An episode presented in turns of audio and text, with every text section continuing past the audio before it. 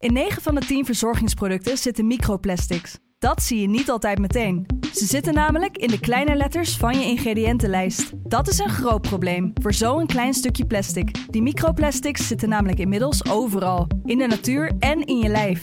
Gelukkig zijn er ook merken die gewoon microplasticvrij zijn. Want dat het anders kan, dat weten we bij Weleda, Lekker Company, Marcel's Green Soap, Naïef, Smaal en Witlof wel. Dus check de kleine letters. Die hebben de grootste impact. Ik denk dat daar betaal je toch belasting voor, dat de overheid dan die bedrijven redt. Maar, Ja. nee. Ja, ja, ja, maar voor mij ben je ook een liberaal. En vind je ook dat de markt ook zijn werk moet doen. ja Dus ik dan- zit hier klem, ja. ja. Ja. Dit is Kwestie van Centen. Een podcast van de Financiële Telegraaf met Martin Visser en Herman Stam. Ja, verschrikkelijk. Ja, daarvoor zie je dat er ook minder mensen op de markt lopen. wordt steeds moeilijker. Ik zie wel wat schipstroom. Eigenlijk moet ik nog 25 cent omhoog. Want de saus heb ik al jaren niet omhoog gegooid. Ik zit nu eh, thuis in de kou, want ik durf niet eh, mijn eh, verwarming hoger te zetten. Ja, zolang de prijzen bij mij ook niet de pan uit gaan reizen, dan hou ik het wel vol. Ik heb wel ietsje omhoog gegaan natuurlijk, want het moet wel. Want anders dan, sta je voor je katje kut te werken. Altijd mooi, hè? Martin, die sfeerverslagen uit Rotterdam. Nee, Amsterdam natuurlijk. Maar, eh, god, het, het gevoel van de straat. Ja, zeker. Daar gaan we het over hebben vandaag. Hè. Daarom eh, vroegen we eigenlijk meteen eh, om eh, deze instart. Want we zijn wat eh, bijzonders aan het doen, vind ik zelf, eh, op de krant. En eh, jij komt er eigenlijk net van terug. We zijn een serie aan het maken. Er wordt natuurlijk enorm veel geschreven over die hele energiecrisis. Maar dan vooral in hoeverre raakt het nou eh, mensen en ook eigenlijk eh, sectoren waar je het wat minder van verwacht. Ja. En hoe, hard- hoe hard gaat het nou? Ja. En nou ben je net op pad geweest. Je bent even mee eh, gaan zwemmen bij het onderwater eh, hockey Hockey. onder andere.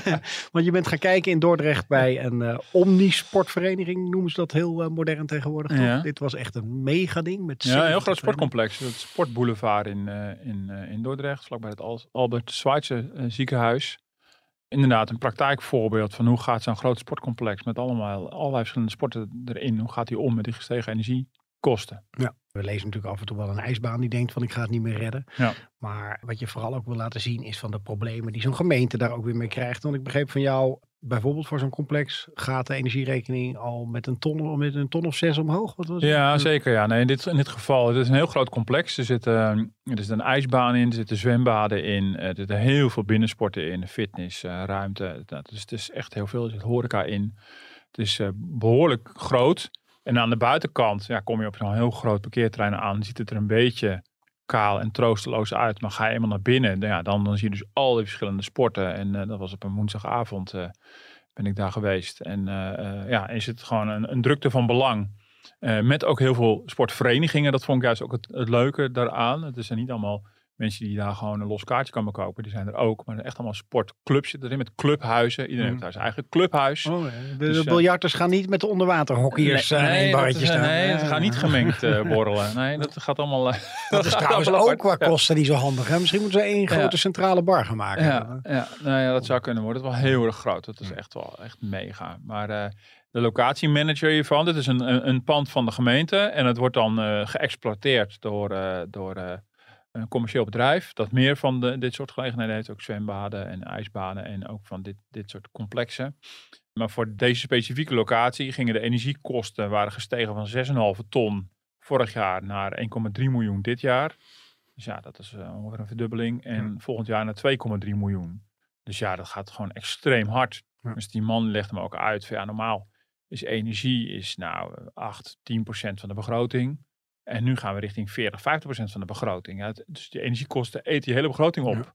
Ja, dus je hebt zoiets van, hoe gaan we dit doen? Bedoel, Krijg- eh, Krijgen we voor hun niet ook een soort eh, plafond dat ze geholpen ja, nou, dat, dat, overheid? is, dat is meer de vraag of dat zo is. Dat is allemaal voor het bedrijfsleven is het allemaal heel erg onduidelijk. Ja, er is wel een belofte om iets voor het MKB te doen.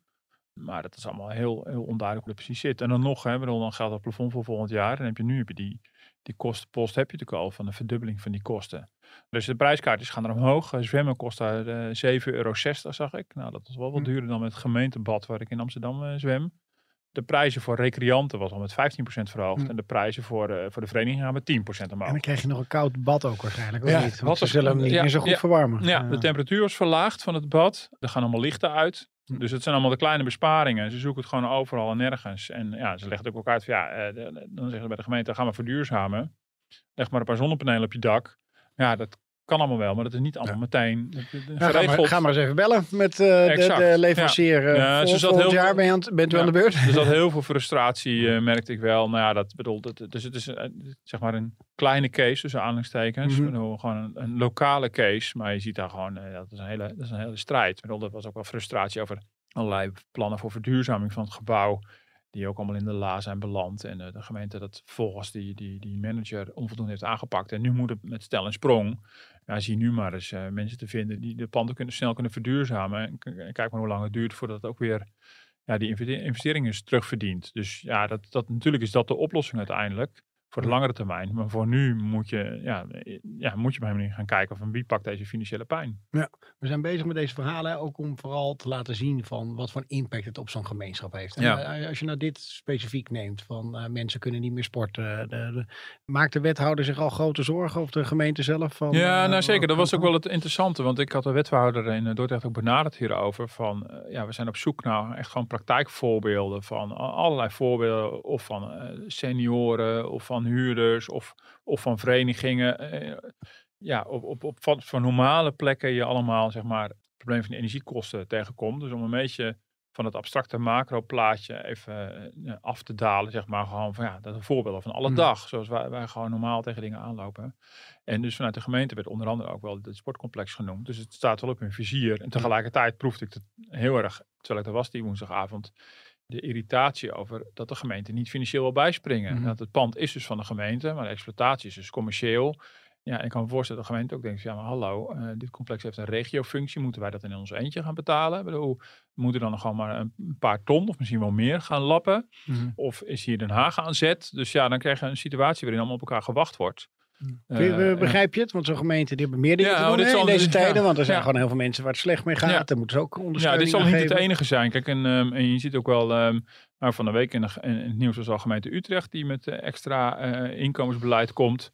En allerlei gemeenten zijn ermee bezig. Ik had contact met de gemeente Rotterdam, ook voor die serie. ook nog een beetje aftastend van wat speelt er bij jullie zoal. En nou, dan wordt binnen het college ook eh fors nagedacht van wat moeten we hier nou precies mee. Want er zijn natuurlijk allerlei groepen in die samenleving van zo'n gemeente die geraakt worden. En het kan, we net even het heel veel over de minima gehad. En natuurlijk zit, zit daar heel veel kwetsbaarheid. En zeker ook omdat dat mensen zijn die zo weinig eh, te besteden hebben dat ze heel makkelijk in schulden kunnen komen. Mhm. Dus dat wil je sowieso ook als gemeente voorkomen. Maar er zijn natuurlijk veel meer groepen in de samenleving waar je moet kijken van hé, wat gaat hier mogelijk mis? En wat hier, waar je hier natuurlijk mee zit, is dat dit sportcomplex huisvest dus eh, eh, 77 verenigingen. Dat wist ik eigenlijk van tevoren niet toen ik er Mhm. naartoe was eh, gegaan. Dus ik was ook verrast. Er zitten omdat er een grote ijsbaan in zit, zit er een ijshockeyvereniging in. Maar er zitten ook kunstrijders zitten erin. Er zijn meerdere zwembaden. Dus je hebt eh, gewoon de zwemvereniging waar waterpolo wordt gedaan. En, en, eh, en eh, wedstrijdzwemmen. Ehm, Van eh, Inge de Bruin, toch? ja, Inge de Bruin die heeft daar is daar ooit, eh, Ja, heeft daar ja, haar ja. eerste Nou, baantjes dat is een gezwommen. sporter waar ik de naam dan wel van ken. Kijk, bedoel, kijk, soms kijk. ben ik een complete no-no. mooie maar, eh, nagels. nou, dit weet ik dan natuurlijk wel. Maar er was nog een andere zwemvereniging. Die deed meer aan duiken en inderdaad onderwaterhockey. Hmm. Ik moest er een beetje om gniffelen, maar eh, ik moest hem natuurlijk inhouden. Dat is een serieuze sport. Ja. Volleybal zit erin. En eh, nou, het, het tal van binnensport. Biljart, er zit een biljartvereniging. Er zit van alles nog wat in. Ja, ik vond het ook wel mooi om, daar, om de mensen erover te spreken. En mensen die al tientallen jaren lid zijn van een vereniging. En die zien ook gebeuren van shit, hoe moet het nu verder? Want ja, de contributie wordt dan 10% verhoogd. En ja, dus voel ik ook aankomen, hier blijft het niet bij. Dit is Hadden niet al, hadden al mensen die eigenlijk zeggen van voor dat geld doe ik het eigenlijk niet meer. Ik wil geen lid meer zijn. Nou, ik merkte vooral dat, dat die angst gaat bestaan dat dat de discussie gaat worden. Die binnensporten hebben natuurlijk onder corona heel moeilijk gehad. Met name onder andere zwembaden natuurlijk, waar hele zware restricties op. Dus ze hebben eh, flink geleden onder de lockdown. Dat heeft die vereniging ook ontzettend onder druk gezet. Nou, ze vertelden ook verhalen over die ook wel weer herkenbaar waren. Hoe met kunst en vliegwerk toch act- activiteiten werden gedaan. eh, Zoom bingo en dat soort dingen. Ja, dan ben je een zwemclub, dan ga je Zoom bingo doen. Ja, dat is natuurlijk Met je snorkel op. dat is niet sec- second best. Ik bedoel, eh, maar goed, zulke dingen hebben wij ook allemaal gedaan om nog een beetje plezier erin te houden. Maar da- daar komen ze dan vandaan. En dit was dan het eerste seizoen dat ze weer volledig onbeperkt open konden. En eh, ja, de ledenaanwas heeft natuurlijk stilgestaan, nagenoeg in coronatijd. En nu is natuurlijk de angst, ja, de bestaande leden die al tientallen jaren lid zijn soms, die hebben een clubhart, zo zeggen ze dan. eh, Ja. ja, die gaan niet meteen weg. Maar als je het nu met 10% de contributie verhoogt, dan misschien later nog een keer 10% of meer. Ja, wat gebeurt er dan? Ja, en en zo'n locatiemanager, die, die heeft ook zoiets maar als het niet wordt opgelost, ja, dan ga ik gewoon failliet. Zo Mhm. simpel is het. Want ik kan niet onbeperkt die kaartjes duurder blijven maken. Nou, houdt het een keer op. Hoe, kan eigenlijk eh, een overheid, vooral dan de, centrale overheid, regelen dat er wel genoeg geld bij die gemeentes is eigenlijk? Want weet je, dit is dan eh, Dordrecht, maar dat speelt gewoon in heel veel plaatsen op Ja. dit moment. Ja. En eh, je vindt als, als overheid belangrijk dat mensen sporten, maar hoe zorg je dat het eigenlijk op de goede plek komt? Dan moeten Ja. die gemeentes dat zelf gewoon maar in hun begroting nou, dat- een gat voor vinden? Nou, dat is best wel ingewikkeld. Dat is dus even de vraag van wie is hier probleemeigenaar. Dus ik, ik, ik kan ook wel voorstellen dat er even naar elkaar gekeken wordt. Ik bedoel, het begint natuurlijk al mee dat het pand misschien wel van de gemeente is, maar de beheerder eh, of de, de exploitant is natuurlijk commercieel. Dus ik kan me op zichzelf wel voorstellen dat de gemeente niet meteen denkt van, oh, eh, een gat in de begroting, hebben ze bij springen erin. Bij een gemeentelijke zwembad is dat natuurlijk weer anders. Bedoel, dan is het gewoon één, één pot nat. Dat is gewoon belastinggeld. Eén pot nat. En, Ja, eh, ja, wauw. ja. En ehm, ja, ik maak onbedoeld af en toe een telegraafgrapje. Maar, ehm, dus, ehm, ja, en hier is dat natuurlijk lastiger. Ik kan me best voorstellen dat je denkt, oh, we gaan natuurlijk niet meteen de, de ongedekte rekening betalen. En dan heb je inderdaad ook, eh, ja, de gemeente heeft gewoon heeft daar eh, eigen gelden voor, eigen belastingen, maar voor grotendeels natuurlijk ook gewoon eh, gemeentefonds en, eh en vergoedingen vanuit het Rijk. Maar de vraag is natuurlijk een beetje van ja, ja ze zullen moeten gaan inventariseren, de, de, de Rijksoverheid en de gemeente, van ja, naast deze sportvereniging, wat voor problemen zijn er nog meer? Hm. En wat voor pakket moet daar tegenover Ja. staan? Kijk, en ik vroeg ook van ja, maar je hebt coronatijd toch ook overleefd? Maar toen was het verhaal, ja, toen moesten van overheidswegen dicht. Dus dan word je echt ook dichtgegooid. Ja, en dan kan je eh, tegen de overheid zeggen, maar, eh, mag ik even vervangen? Want Hmm. eh, ik heb gewoon schade doordat ik dicht moet. Nou, toen was het ook wel even gedoe van ja, de Rijksoverheid gooide de boel dicht en de gemeente moest dan lappen. Dat was ook niet evident. Maar nu is dat natuurlijk niet aan de hand. Nu is het natuurlijk de energieprijzen. Dus dit Ja. komt van buiten, zeg maar. Ja, waarbij je wel kan zeggen van juist door de boycott richting Rusland Ja, zijn die energieprijzen zeker. hoger gegaan. En dat is wel buiten de schuld ook van ondernemers en zwembaden en allemaal maar op, toch? Nee, natuurlijk. Dus ik denk dat het wel een goed verhaal te maken. En wat je natuurlijk ziet, dat geldt hiervoor. eh dat zal ook gelden voor, eh, voor andere delen van het verenigingsleven. Of voor activiteiten voor, voor senioren. Of nou, je kan allerlei groepen natuurlijk bedenken voor. eh, nou, we krijgen ook een verhaal over middenstanders, wat het daarvoor betekent. Ja, er wordt ook allemaal eh, eh, ja, niet alleen schade geleden, maar als, als de dingen dichtgaan of, of eh, weet ik veel, het moet allemaal een tandje minder, heeft het ook impact op zo'n op zo'n lokale gemeenschap. En dat heb je hier natuurlijk heel sterk. Ja, 77 verenigingen met mensen die daar eh, ziel en zaligheid insteken. Mhm. Ehm, eh, ja, bedoel, dat heeft natuurlijk, ja, dat heeft natuurlijk gewoon impact. En dat werd me ook wel heel erg duidelijk. Van, ja, weet je, er, werden, er worden daar weet je wat, eh, tienduizenden zwemdiploma's per jaar gehaald. Eh, de reddingsbrigade en de brandweer oefent daar in dat sportcomplex. Ehm, eh, eh, er zijn ouderen die, daar, die dat voor, hun, voor wie het een sociaal uitje is. Er zijn Mhm. mensen die daar gewoon heel veel energie in steken om erg bij een club te horen. Er zijn heel veel kinderen die daar, die daar zwemmen. Er, zijn, er is babyzwemmen. Er is eh, gehandicapte kinderen die er komen. Mensen met reuma. Nou ja, ik bedoel, dat heeft Ja. dus een enorme functie. Eh, en ik denk dat het evident is dat zoiets ook niet zomaar dicht kan. Bedoel, eh, eh, maar ja, ehm, de Rijksoverheid gaat natuurlijk nooit, nooit zeggen... wij garanderen dat alle zwembaden in Nederland open zullen ja. blijven. Ja. En dat is best wel een ingewikkeld punt. Want je kan niet een soort algemene garantie afgeven. Dan is een soort open, open einde regeling voor, voor, voor alle sociale voorzieningen. Maar ja, dit is natuurlijk wel bovenop. Hè. We hebben al eerder verhalen gehad over ja, hoe corona erin kon hakken bij sommige gemeentes. En hoe de hele de, de, de, de- ja, de, de inkomsten van, van gemeenten onder druk kwamen staan. Zeker bijvoorbeeld gemeenten die heel erg afhankelijk zijn van toerisme. Dus er zijn natuurlijk heel veel gemeentes geweest die al fors hebben moeten bezuinigen. Dat kwam dan bovenop bezuinigingen die nodig waren door de decentralisatie van allerlei overheidstaken, jeugdzorg en dergelijke, die allemaal naar de gemeentes doorgeschoven. Ja. BMO. Dus het is een opeenvolging. En dit is, dit is weer hoofdstuk zoveel in de discussie tussen de gemeentelijke overheid en de rijkse overheid. Ja, beste mensen, maar wie gaat betalen en hoe, hoe krijgen we Maar- dat, maar hoe houden we onze is- maatschappelijke Is het voorzieningen ook wel overeind? vrij simpel, omdat het vooral heel erg in die energierekeningen zit. Al dit soort Ja. problemen. Dus Ja. dan kan je er ook denken van ja goed, eh, waarom is er nog niet een oplossing voor eh, Ja. MKB en dit soort verenigingen? Ja. Want als je daar in die rekening iets gaat doen, gaan Ja. uiteindelijk heel veel van die mensen ook dat eh, terugzien in hun Ja. abonnementen en noem maar op.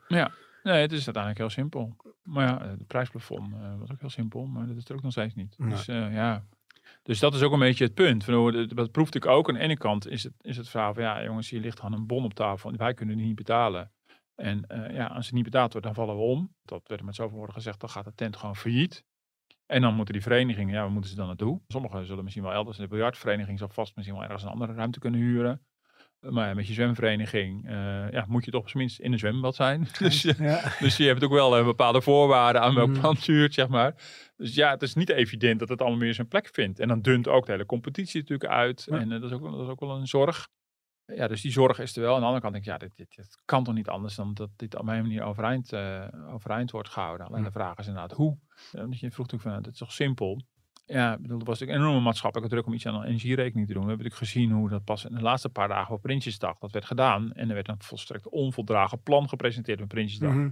Dus ja, wat werd er nou eigenlijk gepresenteerd? We komen met iets en wacht maar op de details. En voor het MKB, we komen met iets en we moeten nog, we moeten nog beginnen met na te denken over hoe we het gaan doen. Ja, dat is, dat is ook een beetje het punt. Het zal misschien wel goed komen en er komt misschien ook wel iets eh, waar ook alweer kritiek op is. En het zal ook niet alles en iedereen redden en overeind houden. Maar wat is het dan? En op welke termijn komt het dan? En nu, eh, nu zitten die, eh, die clubs in enorme onzekerheid. Als jij het nou bekijkt, hè, dit zijn dan die, de, de sportverenigingen, maar een beetje in het algemeen. Waar maak jij het meest zorgen om wat er nu de komende maanden gaat gebeuren? Welke sectoren het meest in de knel Ja. komen? Nou ja, kijk, wat je natuurlijk, eh, want je hebt natuurlijk, dit is, dit is vooral het verenigingsleven. Waar ik me zorgen over maak, is toch ook wel de middeninkomens, de lagere middeninkomens, maar ook gewoon, gewoon de hele groep middeninkomens. Omdat de reparatie heel erg gericht is op echt op minima. Dus misschien dat het prijsplafond daar uiteindelijk wel voldoende gaat helpen. Maar dat is nog wel erg heel veel onzekerheid over, of dat zo is. Nou ja, ik maak me toch ook wel echt wel zorgen over het eh, midden- en kleinbedrijf. eh, omdat daar wel een vage toezegging is. Maar ja, eh, de eerste bakkers sluiten hun deuren al. Ehm, Ja, er waren er zeven failliet of zo Ja, gegaan. eh, dus, ja, er wordt al actie meer, gevoerd. ja. En, eh, en eh, nou goed, de, en de bakkers, nou, dat spreekt heel erg tot de verbeelding. Dat we ook allemaal meteen. Maar er zijn natuurlijk wel meer sectoren en bedrijfstakken, het midden- en kleinbedrijf, wat relatief veel energie verbruikt. Nou, dat ligt echt ook Die bakkers hebben een soort dubbel probleem, ook met de inkoop van tarwe Ja, en, dus, ja. en dan de energierekening Ja, erbij. Ja, dus nou, er zijn natuurlijk wel meer bedrijven die met grondstofprijzen kampen en dan ook nog eens een keer dit eroverheen. Net zo goed als sommige, nou, de bakkers hadden dan weer geen last van corona. eh, maar er zijn natuurlijk ook allerlei ondernemers die en last van corona hebben gehad Mhm. en nu nog eens een keer dit. Dus dat kan je natuurlijk ook nog eens een keer hebben. Maar ja, dan heb je, dat gaan we natuurlijk ook nog schetsen. Van, je hebt natuurlijk niet alleen die ene bakker die dan de deuren sluit, want dat is al verdrietig genoeg. Maar je hebt ook de impact op zijn winkelstraat. Maar Wat betekent dat voor het aanzien van de winkelstraat? En dat is ook, ook weer bovenop een al Die verloedert, trend. want er gaan gewoon Ja. winkels weg en Ja. misschien komen er geen nieuwe in. Ja. Of, eh, Ja, nou, of die meteen verloedert, dan moeten we even afwachten. Maar in ieder geval, het verschraalt op zijn minst. En misschien verloedert het ook wel, maar het in ieder geval het aanbod verschraalt. En dat is natuurlijk ook wel een- weer het volgende hoofdstuk in de trend die al gaande was. Die ook door corona natuurlijk verergerd is. Echt de uitdunning van de winkelstraten. Voor een deel is het ook bijna niet tegen te houden, omdat wij natuurlijk ook allemaal online zitten te kopen. Ik Ik klaag er ook wel eens over dat er zo weinig speelgoedwinkels zijn. Maar ik denk, ja, maar dat is ook een beetje mijn eigen schuld. Want ik koop het meestal online. Behalve als ik het onhandig vind eh, voor een bepaald soort dingen. Dan wil ik het in de winkel kopen. Mhm. Maar ja, die zijn er dus bijna niet meer. Ja, eigen En dan ga je klagen, nee, nou dan doe ik En maar. dan ga, je- ga je zitten klagen. Nou, ik had hetzelfde met, Ja. eh, ik was op zoek naar jassen voor de kinderen. En ik denk, ja, een jas. Uh, eerst dan weer tien jassen per- online laten komen. En dan alles weer op één na weer terug te sturen. Vind ik ook onhandig. Ik ga gewoon naar een winkel. Ja, die winkels hebben bijna geen voorraden meer aan die, Ja. die dikke dure jassen. Dus nou goed, nou. Dus we veroorzaken die trend ook Mhm. zelf.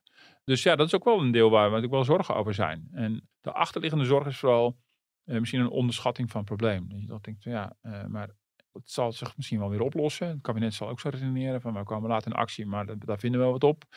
Maar toch een beetje de zorg van, ehm, gaan we het niet achteraf terugkijken. Dat we denken van, nou, het was toch veel erger dan we zagen aankomen. Mhm. En misschien valt het allemaal mee, hè. Dus eh, dat zou natuurlijk ook nog wel kunnen. Net met corona, dat heeft er heel hard ingehakt voor een paar branches, maar macro-economisch viel het uiteindelijk mee. En hier, eh, hier gaat misschien dat prijsplafond heel veel doen, in ieder geval voor, voor huishoudens. Zie je, zie je een soort eh, straatbeeld op een in sommige plaatsen. Nou ja, nu voor dit verhaal is er iemand naar eh, Hoogwoud gegaan. Dat in dat soort plaatsen gewoon eigenlijk de sla- lokale slager en bakker eh, niet meer terugkeert. En Ja. dat je gewoon op een gegeven moment meer in andere winkelcentra Ja. dat, moet, dat moet gaan zoeken. Ja, nee, dat krijg je dan. Je krijgt dus, Ja. eh, dan, dan loopt het helemaal leeg. Dan gaat stapje voor stapje. En dat, eh, dat heb je. Dat was En je hoort die retail-experts die voorspellen dat al. Hè? Dat je een aantal kernen hebt bijvoorbeeld in een regio. En daar is dan wel een wat groter dorp waar wel die winkelstraat nog is. Maar niet meer in elk klein dorpje Ja. zelf. Ja, nou kijk, en natuurlijk, weet je, eh, veranderingen, daar moet je misschien aan wennen. En die, ik bedoel, het is niet per se, alles is per se slecht. Even los van ja, dat misschien die spe- specifieke middenstander daar natuurlijk eh, heel erg van baalt. Of misschien zich anders wel heel anders had voorgesteld. Maar tegelijkertijd moet je natuurlijk als gemeente ook wel nadenken over de leefbaarheid van jouw gemeente. En welke, welke voorzieningen wil je in stand houden. En, en middenstand is ook een voorziening. Hmm. Dat is niet een, een voorziening die we namens de gemeente organiseren. Maar het is wel een, een plaatselijke voorziening. En je wil ook mensen die minder mobiel zijn, wil je ook gewoon een minimum hoeveelheid aan voorzieningen in een plaats bieden. Ja, het maakt ook een, een, plaats ook minder aantrekkelijk misschien om, om, eh, om te gaan wonen.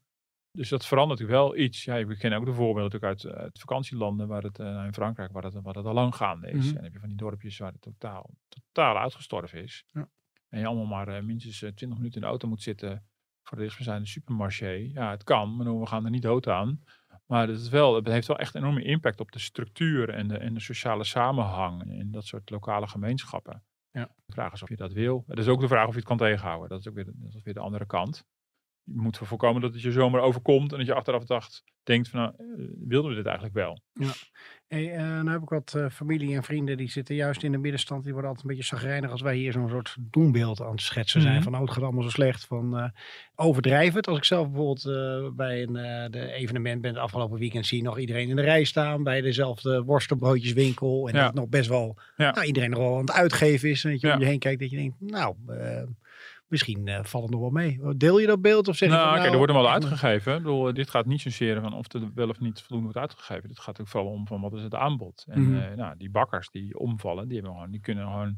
Hun kosten zijn zo hoog dat ze gewoon met goed fatsoen dat niet meer in, in de prijs voor een halfje wit kunnen stoppen. Dan Ja. denk ik van, ja, dit, dit is gewoon niet meer rendabel. Maar zeker, ik bedoel, het is natuurlijk wel zo. Dat aan de ene kant zitten we natuurlijk, zetten ons schrap voor echt zware tijden. En aan de andere kant zien we dat, dat gewoon een grote delen van de economie het nog hartstikke goed doen. En dat heel veel consumenten ook nog eh, flink uit zitten te geven. Dat is wel een beetje een dubbele. Dus het is ook niet zo dat alle winkels leeg zijn, dat er geen klanten zijn. Dus zo is het niet. Alleen er zijn wel gewoon delen van, met name het MKB, die, die zo hoog in energiekosten zitten dat het op een gegeven moment niet meer rendabel is. Nou, we hebben vorige week zaterdag een verhaal in de krant gehad over het Westland. Over de kassen. Ja, dat zijn zulke schrikbarende bedragen die daar voor energie moeten worden neergeteld. Ja, en als jij, dan kan je of spekkoper zijn dat je precies op het juiste moment ook energiecontract hebt afgesloten en nu eh, spotgoedkoop zit en eh, misschien eerder een handelaar in gas wordt dan een handelaar in Ja, precies, komkommers. want dan wil je, dan kan je gewoon eigenlijk dat contract weer verkopen aan iemand anders die dat ja, wil is ook beginnen. ongelooflijk. Dus de vraag is of dat, is dat nou economisch nou per se wenselijk is. Maar ook natuurlijk gevallen waarbij daar is gewoon niet meer tegenop te produceren. Nou, we hebben wel eerder ook een crisantenkweker gehad die gewoon zelf ervoor koos om zijn productie gewoon fors te verlagen. Want ja, dat was gewoon niet meer rendabel te maken. Dus daar gaat het natuurlijk vooral over. Niet per se en, dat het en stil is. bij elke eh, week dat je dan wacht als overheid, wordt het alleen maar slechter, dit soort verhalen. Ja, Ja. ja, dat is natuurlijk wel, eh, dat is natuurlijk wel het risico. Nou, we hebben ook al eh, staalbedrijven gehad, die fabrieken die, die, die de boel even stilleggen. En dat is, de, dat is de vraag is ook van welke economische impact gaat dat hebben? En zitten we daar bovenop of, of laten we dat gewoon een beetje gebeuren? Hm. En je hebt toch de indruk dat het vooral het laatste is. En waar we het voor mij vorige week ook een beetje over hadden. Als er dan ingegrepen wordt, ja, dan is het met zoveel donder en geweld. En dan is iedereen zo ontevreden. En dan is, dan is het een beetje zo'n strategie van erop en erover. Dat je af kan vragen van, is het misschien bij elkaar, is dat niet meer een beetje al te veel? Bedoel, En Mhm. het kapperpakket en het prijsplafond. eh, eh, ja, dan moet je natuurlijk alleen al om, om die maatschappelijke druk te weerstaan, moet je echt met een enorme, enorme gebaar komen. Nou, dan verwacht ik dat richting het MKB niet zo snel. Want nou, het bedrijfsleven heeft toch wel een beetje de wind tegen wat dat betreft. En je ziet wel, eh, wel de overheid nu een hele grote aarzeling. Van, ja, hoe moet je dat nou doen hè, met energie-intensieve MKB? Daar gaat het dan om. Nou, die bakkers dat zijn het bekendste voorbeeld. eh, De, de, de kassen, maar er zijn nog een heel aantal andere voorbeelden waar het, waar het geldt. Die bovenmatig veel energie moeten gebruiken. Ja, wat doe je daar nou mee? Hoe voorkom je nou, als je ze tegemoet komt, dat je tegelijkertijd hun als het ware beloont voor een forse energieverbruik? Ja. Je wil ook blijven stimuleren dat ze op de, op de rekening blijven letten. Dus dat, dat is best een... Denk je dat dat ook een reden dilemma. is waarom die vertraging erin zit? Omdat Zeker. bijvoorbeeld partijen zoals D66 dat gewoon heel graag Zeker. willen en dat niet Ja. snel willen belonen. Zeker. Eh, Ja, ja, en dat is denk ik breder dan D66. Het wordt ook Ja. gewoon vanuit de Maar het is ambtenarij best wel gevaarlijk om op die manier nu politiek te voeren over iets wat echt een hele grote crisis Ja, oplevert. zeker. Maar het, na, eh, ja, het grote nadeel voor dit, voor dit MKB is dat deze crisis zo snel op de vorige crisis volgde. En dat iedereen zich de vraag stelt, ja, maar betekent dit dus dat we bij elke volgende crisis dat de overheid alles oplost? En als er meer tijd tussen had gezeten, hadden we misschien dat gevoel minder gehad. Maar nu heeft de, de, overheid natuurlijk net bij de coronacrisis heel grof geld uitgetrokken om de economie draaiende te houden, om de werkloosheid, eh, grootschalige werkloosheid te voorkomen. Steun aan de ondernemers en steun via de ondernemers aan hun personeel. Ja, dat roept natuurlijk meteen de vraag op, oké, en nu hebben we de volgende crisis alweer, gaan we dat dan weer doen? Is de overheid in het leven om, om dit te doen? Of hoort het dan blijkbaar bij de economische dynamiek dat je gewoon maar een deel van het MKB om laat vallen? Ja, ik denk dan al, daar betaal je toch belasting voor dat de overheid dan die bedrijven redt. Maar, Ja. nee. Ja, ja, ja, maar voor mij ben je ook een liberaal en vind je ook dat de markt ook zijn werk moet doen. Ja ik dan- zit hier klem, ja. Ja, Ja, ja, ja. ja. toch? dat is waar. Ja, dus maar dat is precies het dilemma. En daar heb ik op zichzelf wel begrip voor. Dat je denkt, oké. En ik denk dat het wel goed is dat daar wel even over nagedacht wordt. Alleen Mhm. dat had misschien al moeten gebeuren in plaats van dat dat nu pas gebeurt. Van ja, oké, we moeten dan alleen maar omdat de staatsschuld nu zo laag is, dan zeggen we nou, we gaan weer all the way. En eh Hm. ook het risico dat zo'n kabinet, dat natuurlijk super impopulair is, gewoon populariteit zit te kopen met ons geld. Dat is ook wel het geval, hè. Ons geld wordt eruit gegeven om, om onze gunsten te winnen. Dat is ook, eh, ja, daar moet je ook wel over nadenken van hoe, hoe, hoe doe je dat eigenlijk? En als je dat nu voor 2023 doet, weet je dan ook van dat het dan beperkt blijft tot dat jaar? Of als de energieprijzen langdurig behoorlijk hoog blijven, dat prijsplafond bijvoorbeeld, blijven we Mhm. dat dan nog een jaar doen daarna? Of, eh, dat is best een lastig dilemma. En je hebt ongetwijfeld gekeken deze week ook naar onze premier. Die eh, Ja. daar, eh, nou, daar eigenlijk niet eens zo heel erg diep op inging. Maar ik ben vooral benieuwd, wat, wat vind je als je nu om je heen kijkt, bijvoorbeeld in een land zoals Engeland. Wat heel interessant is volgens mij. Want die Ja. doen volgens mij het meest rigoureus qua maatregelen. Waar de markt ze keihard van het afstraffen is Ja. op dit moment. Ja, interessant. wat, wat, wat vind je slim en wat vind je minder slim? Welke maatregelen? Dit Nederland is vooral beetje traag, hebben we net geconcludeerd op MKB-gebied. Ja. Waar zeg je van nou, maar daar in Duitsland of zo doen ze het goed? Of misschien ben je wel juist wel fan van de Engelse methode hoe het gaat. Nou, Ondanks de afstraffing op de markt. Ja, ja. Nou, de Engelse methode, nou, ik ben benieuwd. Maar eh, voor mij is het wel echt wel heel erg jaren tachtig. En eh, is wel bewezen dat dat niet helemaal, niet helemaal werkt. Daar maak je misschien populair mee in specifiek hun eigen kiezerskring, ki- kiezersachterban. Maar Forse belastingverlagingen vooral. Ja, voor Zelfs mensen die inkomens. 150.000 euro of meer verdienen, geloof ik. Hè? Ja. Ja. Dus eh, goed, dat kan je het politiek gezien graag willen. Maar of dat, maakt, eh, of dat gewoon puur economisch gezien nou zo logisch en verstandig is, dat, dat vragen we een beetje af. Ja, je, je ziet vooral gewoon een aantal landen om ons heen die gewoon wat sneller optreden. Ja, en ik vind het ook heel moeilijk te zeggen dat nou, het is heel makkelijk om te denken van nou, Nederland doet het allemaal prut en eh, alle landen om ons heen doen het veel beter. Maar je ziet wel dat zo'n Frankrijk natuurlijk al veel eerder met zo'n prijsplafond gekomen is bijvoorbeeld. Maar ja, daar past het in de, in de verhoudingen tussen overheid en, en markt past dat ook veel beter. Dus dat Nederland daar aarzelend was, begrijp ik ook wel weer. Hm. Om dan meteen als overheid die rol van die markt over te nemen, dat is ook niet heel erg Nederlands. Alleen dan is het de vraag van, wanneer dringt het besef door dat dit zo uitzonderlijk is dat het toch een keer moet? En nou, dan dringt het besef in Nederland dus heel erg laat door. Ja. Nou, Duitsland is ook vo- voortvarender geweest. Maar als je gewoon uiteindelijk gewoon kijkt wat het eindresultaat is, wat het pakket ongeveer is in Nederland, is het aan zich geen raar pakket. Het gaat alleen de manier waarop, het gaat extreem rommelig. En heel paniekerig. Dat is uiteindelijk vooral het punt. Het heeft dus in die zin denk ik meer met timing te maken. En want uiteindelijk, als je vergeet wel niet, hè, in Nederland zijn de accijns op benzine natuurlijk verlaagd. De energiebelasting is verlaagd. De btw-energie is verlaagd. Er ging natuurlijk een, een toeslag naar minima. Er kwam nog een toeslag overheen. En er ligt nu een kooppakket van 17, 18 miljard. Dat prijsplafond is alles bij elkaar. Denk, nou, dit is Mhm. niet onlogisch dat dit gebeurt. Het is alleen ja, eh, nogal laat. En dat je het gevoel hebt dat, er, dat, er een beetje, dat het momentum niet wordt ge- Mhm. gepakt. Ja, En ik dat dacht, heeft ik dacht met- even dat ze de wind iets meer mee zouden krijgen. Het was even voor mijn gevoel iets rustiger qua gasprijzen en olieprijzen. Ja. En toen kregen we nog weer wat aanvallen op een paar, eh, Ja.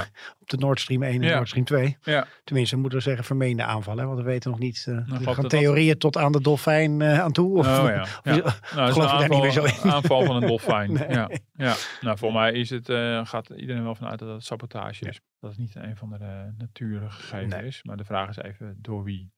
Nee, maar zeker. Maar dat, dat toont wel aan hoe grillig het allemaal is. Maar zeker de extreme gasprijzen die we op een gegeven moment hadden. Dat is wel geluwd, ook, ook na dit. Maar de, wat natuurlijk zorgen baart is dat, dat die gasmarkt natuurlijk enorme uitschieters kent. Met tientallen procenten omhoog of omlaag eh, binnen een week. En dat is natuurlijk wel... Nou, inmiddels begint dat normaal te worden. Maar eigenlijk normaal gesproken is dat dus ongekend. Mhm. bedoel, eh, dus dat betekent dus wel dat je gewoon wel rekening mee moet houden. Van dingen die je nu uit de kast haalt voor volgend jaar. Misschien moet je er langer mee doorgaan. En wil je dat dan ook wel? Ja, en hoe lang is je adem ook om het vol te houden, toch? Qua wanneer kom je zelf als land in de problemen? Ja, maar ja, ik denk dat Nederland daar nog niet zo heel snel zit, schat ik in. Het zijn Hm. natuurlijk ook wel allemaal eenmalige dingen. Dus ook al doe je het nog een jaar, dan is het wel twee keer eenmalig, zeg maar. Dus wat anders dan dat je echt structureel eh, dingen doet. Eh, Van, dus in een- die van zin- dat Wiebes uh, Wopke fonds gaan we denk ik uh, weinig overhouden. Als Ja, we daar ja, alles uit ja. gaan pakken, toch? Ja, Of- nou, daar zit in ieder geval nog, dat, dat, daar is heel veel geld voor gereserveerd. Dus, dus daar is best wel wat ruimte, denk ik. Maar inderdaad, je ziet wel natuurlijk aan, dat is wel interessant aan het geval van Verenigd Koninkrijk, hoe snel je je geloofwaardigheid op de markt Mhm. kan verspelen. Dus dat is echt wel een extreme reactie natuurlijk van de financiële markt. Ja, dat is iemand die, die presenteert zich als de nieuwe Thatcher.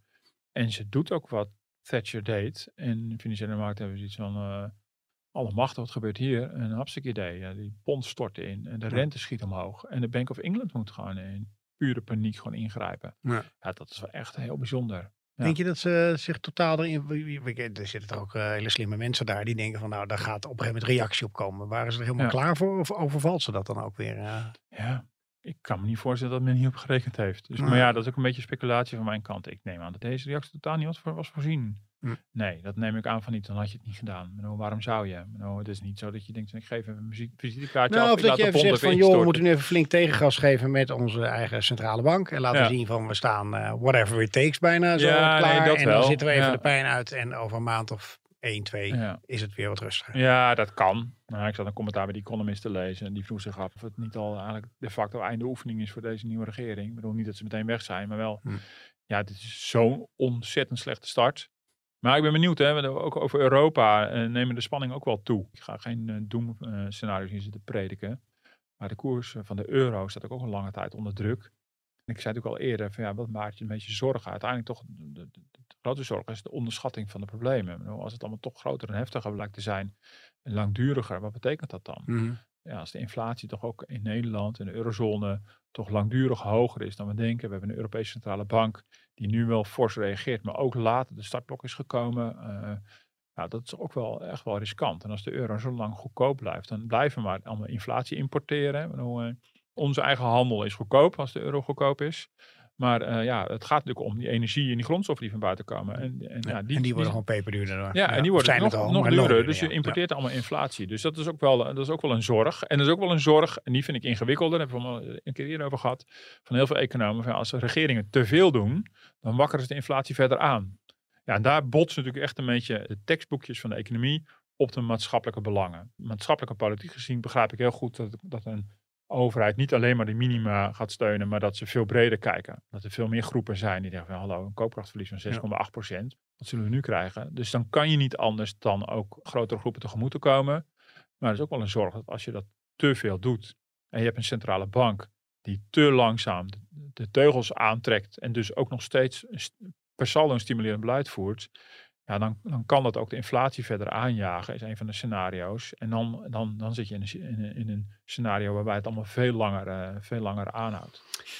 Maar heel micro, je hebt wel, je hebt wel voor de herfstvakantie eh, je, je reis geboekt naar je geliefde Engeland waarschijnlijk, of niet? Nee, Want dat is eh, gunstig nu toch? Ja. Ja, nee, dat is, eh, ja, nee. Je eh, baalt, je gaat het erop zetten. nee, Je hebt misschien helemaal geen Ja, nee, maar we zijn, eh, we zijn in de zomer in Schotland geweest. Dat ik vond het behoorlijk duur. Maar dat, Ja, dat zou veel goedkoper zijn geweest. Ja. Ja, Ja, maar goed, ja, zo moet je helemaal niet redeneren, joh. Nee, we blijven gewoon in Nederland. eh, een weekendje in een bos eh, in de herfstvakantie. Heel goed. Eerst hebben we nog een eh, podcast en ook nog onze rondvraag. Ja, waar zouden we zijn eh, zonder deze bel? Heb je nog, eh, ik mag niet meer vragen van jou toch, een leuke vogel gezien? ik, had la ik hoorde laatst op de radio, dat moest ik nog aan je doorgeven. Een heel leuk programma op Radio 1 met Humberto Tander. Is ook iemand een, eh, een eh, vogelaar, heet dat zo? En vogelaar. Vogelaar, die hele leuke verhalen heeft over eh, bepaalde, is Oh, ja. een bepaalde stormvogel is deze kant op gewaaid Oh, door de stormen op de Atlantische Oceaan. Die Hm. hoort al, ik weet er helemaal Hm. niks van. Hm. Ik dacht, Martin zit daar vast naar te luisteren. Oh ja, nee, dat heb ik, dat heb ik gemist. Nou, ik luister bij de Vogelspodcast. Ik, mag toch geen reclame maken voor de concurrent. Maar goed. Maar je kan ze allebei luisteren. Een kwestie van centen en de ja, Vogelspodcast. zeker. Dus eh, na elkaar. Nee, maar ik heb geen, geen eh, nee, ik heb helemaal geen tijd voor. Ik word Hm. voortdurend door jou aan het werk gezet. Dus ik kom er helemaal niet, eh, niet aan toe. Dus, ik ben niet eens meer de chef van de Financiële Telegraaf. Dus Nee, nee, nee. Maar Maar goed, nu verzinnen we een- dit soort projecten. je hebt van, zoveel strepen en sterren dat je gewoon iedereen hier aanstuurt. Nee, maar we zijn, ehm, eh, we zijn wel ehm, van het weekend, afgelopen weekend zijn we naar de eh, musical geweest met de kinderen. Sjaak in de chocoladefabriek. Hm. Charlie and Chocolate Ja. Factory heet hij dan. het is wel in het Nederlands. En eh, ja, dat beroemde boek van Roald Dahl, waar ook twee prachtige films over zijn gemaakt. Eh, eentje heel lang geleden, toen wij nog klein waren. En eh, met Johnny Depp, Ja, het recente. geweldige rol van hem. Ja. Nou, het is echt een, echt een genot om, om je kinderen te zien genieten in het theater. Bedoel, eh, het is eh, echt geweldig. Voor hen is het echt magisch. Eh, Ja. Dat is echt heel leuk. Ja. Geniet er nog maar even van. Voor het weet zit over een maand allemaal weer binnen. Of ben ik nu een beetje Oh, ja, de ja. corona? te- nee, het Ja. zal meevallen hopelijk. Ja, Ja, ja. Nou, dan Ja. doe ik nog even mijn, want ik moet iets vertellen. Want ik was heel blij. Ik dacht, ik kom morgen in de krant met een verhaal over de orkanen. Want bij mij roept het allemaal herinneringen op. Hè, nu wat er gebeurt met eh, de orkanen in Florida. Ja. Maar Ian, het verhaal? Ian, Ian, ja, Ian, ja. Die heeft het niet gehaald, want er was een ander verhaal wat echt ook heel actueel was. En mee moest dus mijn verhaal... Ja. eh, dus dan moet ik maar op de, op de radio vertellen, om het zo te zeggen. Nee, maar ik moet er altijd aan denken, want... nou ja, goed, wij gingen in 2017 met eh, Irma toen eh, op pad. Ja. En eh, mijn eigen doodservaring. Ja, dat klinkt een beetje heel micro als er zoveel mensen zoveel ellende hebben. Maar dat we na drie dagen in een hotel daar opgesloten zaten zonder water, gas en licht. En dat ik even in de zee ging zwemmen en door een soort mui werd meegetrokken. Ja, En bijna nog even zelf daar verzoog. Jeetje. Dus, Ja, nou dat vertel ik elke keer aan de kinderen. Oh, en die ja. denken, ah, dan komt papa weer met dat, Met verhaal. met dat verhaal. Want er is weer een orkaan in Florida. Ja, dan heb je Maar- orkaan overleefd en dan in een stomme actie gaat het dan bijna Echt, mis in zee. Soort Ja. super vermoeidheid van drie dagen niet slapen. En er loopt natuurlijk niemand op zo'n strand als er net een orkaan is geweest. Ja. Want iedereen zit de boel op te ruimen. Maar eh, deze toenmalige correspondent dacht ik ga even een stukje zwemmen om even me op Ja. te frissen. En voor het wist was ik 100 meter van de kust. En ik Ja. dacht, oh mijn god, hoe Ja, kom ik maar als je nu de beelden ziet natuurlijk over hoe heftig dat is, dan, eh, dan weet je dat nog uit die tijd. Ja. Wat dat, wat dat met zo'n Och man. dorp, stad, landschap doet als er Ja. zo'n orkaan er overheen raast. Het is niet voor te... En ook eh, wat ik ook schreef, eh, de wilskracht van mensen. Je denkt aan de ene kant van waarom gaan al die mensen elke keer in Florida wonen? Want het is echt heel vaak bal. Ja. Maar ook hoe ze weer echt met die Amerikaanse spirit van nou, dan wordt het gewoon weer opgebouwd. Ja. En helemaal weer eh, een Hm. week later denken ze van eh, kom maar op. Maar ja, Bizar toch? Maar goed, ik hoop dat het allemaal meevalt nu. Eh, de, de, eerste beeld, nou, de eerste beelden komen binnen. Het ziet er allemaal niet heel goed uit. Nee. Dus, eh, nou. Dank u wel voor het luisteren. En eh, we zijn te mailen op podcast.dft.nl. En Martin gaat wat aanbevelingen doen. Ja. nou, ko- kom ik weer. Gaan we er ooit nog een keer mee ophouden? Of blijven we het gewoon iedere keer doen? Nooit. Dat vind Nou, ik gewoon vond je de podcast de moeite waard? Dan eh, vinden we het fijn als je een review achterlaat op een van de podcast apps. Of een, eh, een sterretje of op een andere manier een waardering. Zijn we beter vindbaar. Zeker. Zie je dat het heel leuk is om zo een beetje af te sluiten, toch? Superleuk. Ja. Bedankt voor het luisteren. Tot volgende week. Tot volgende week.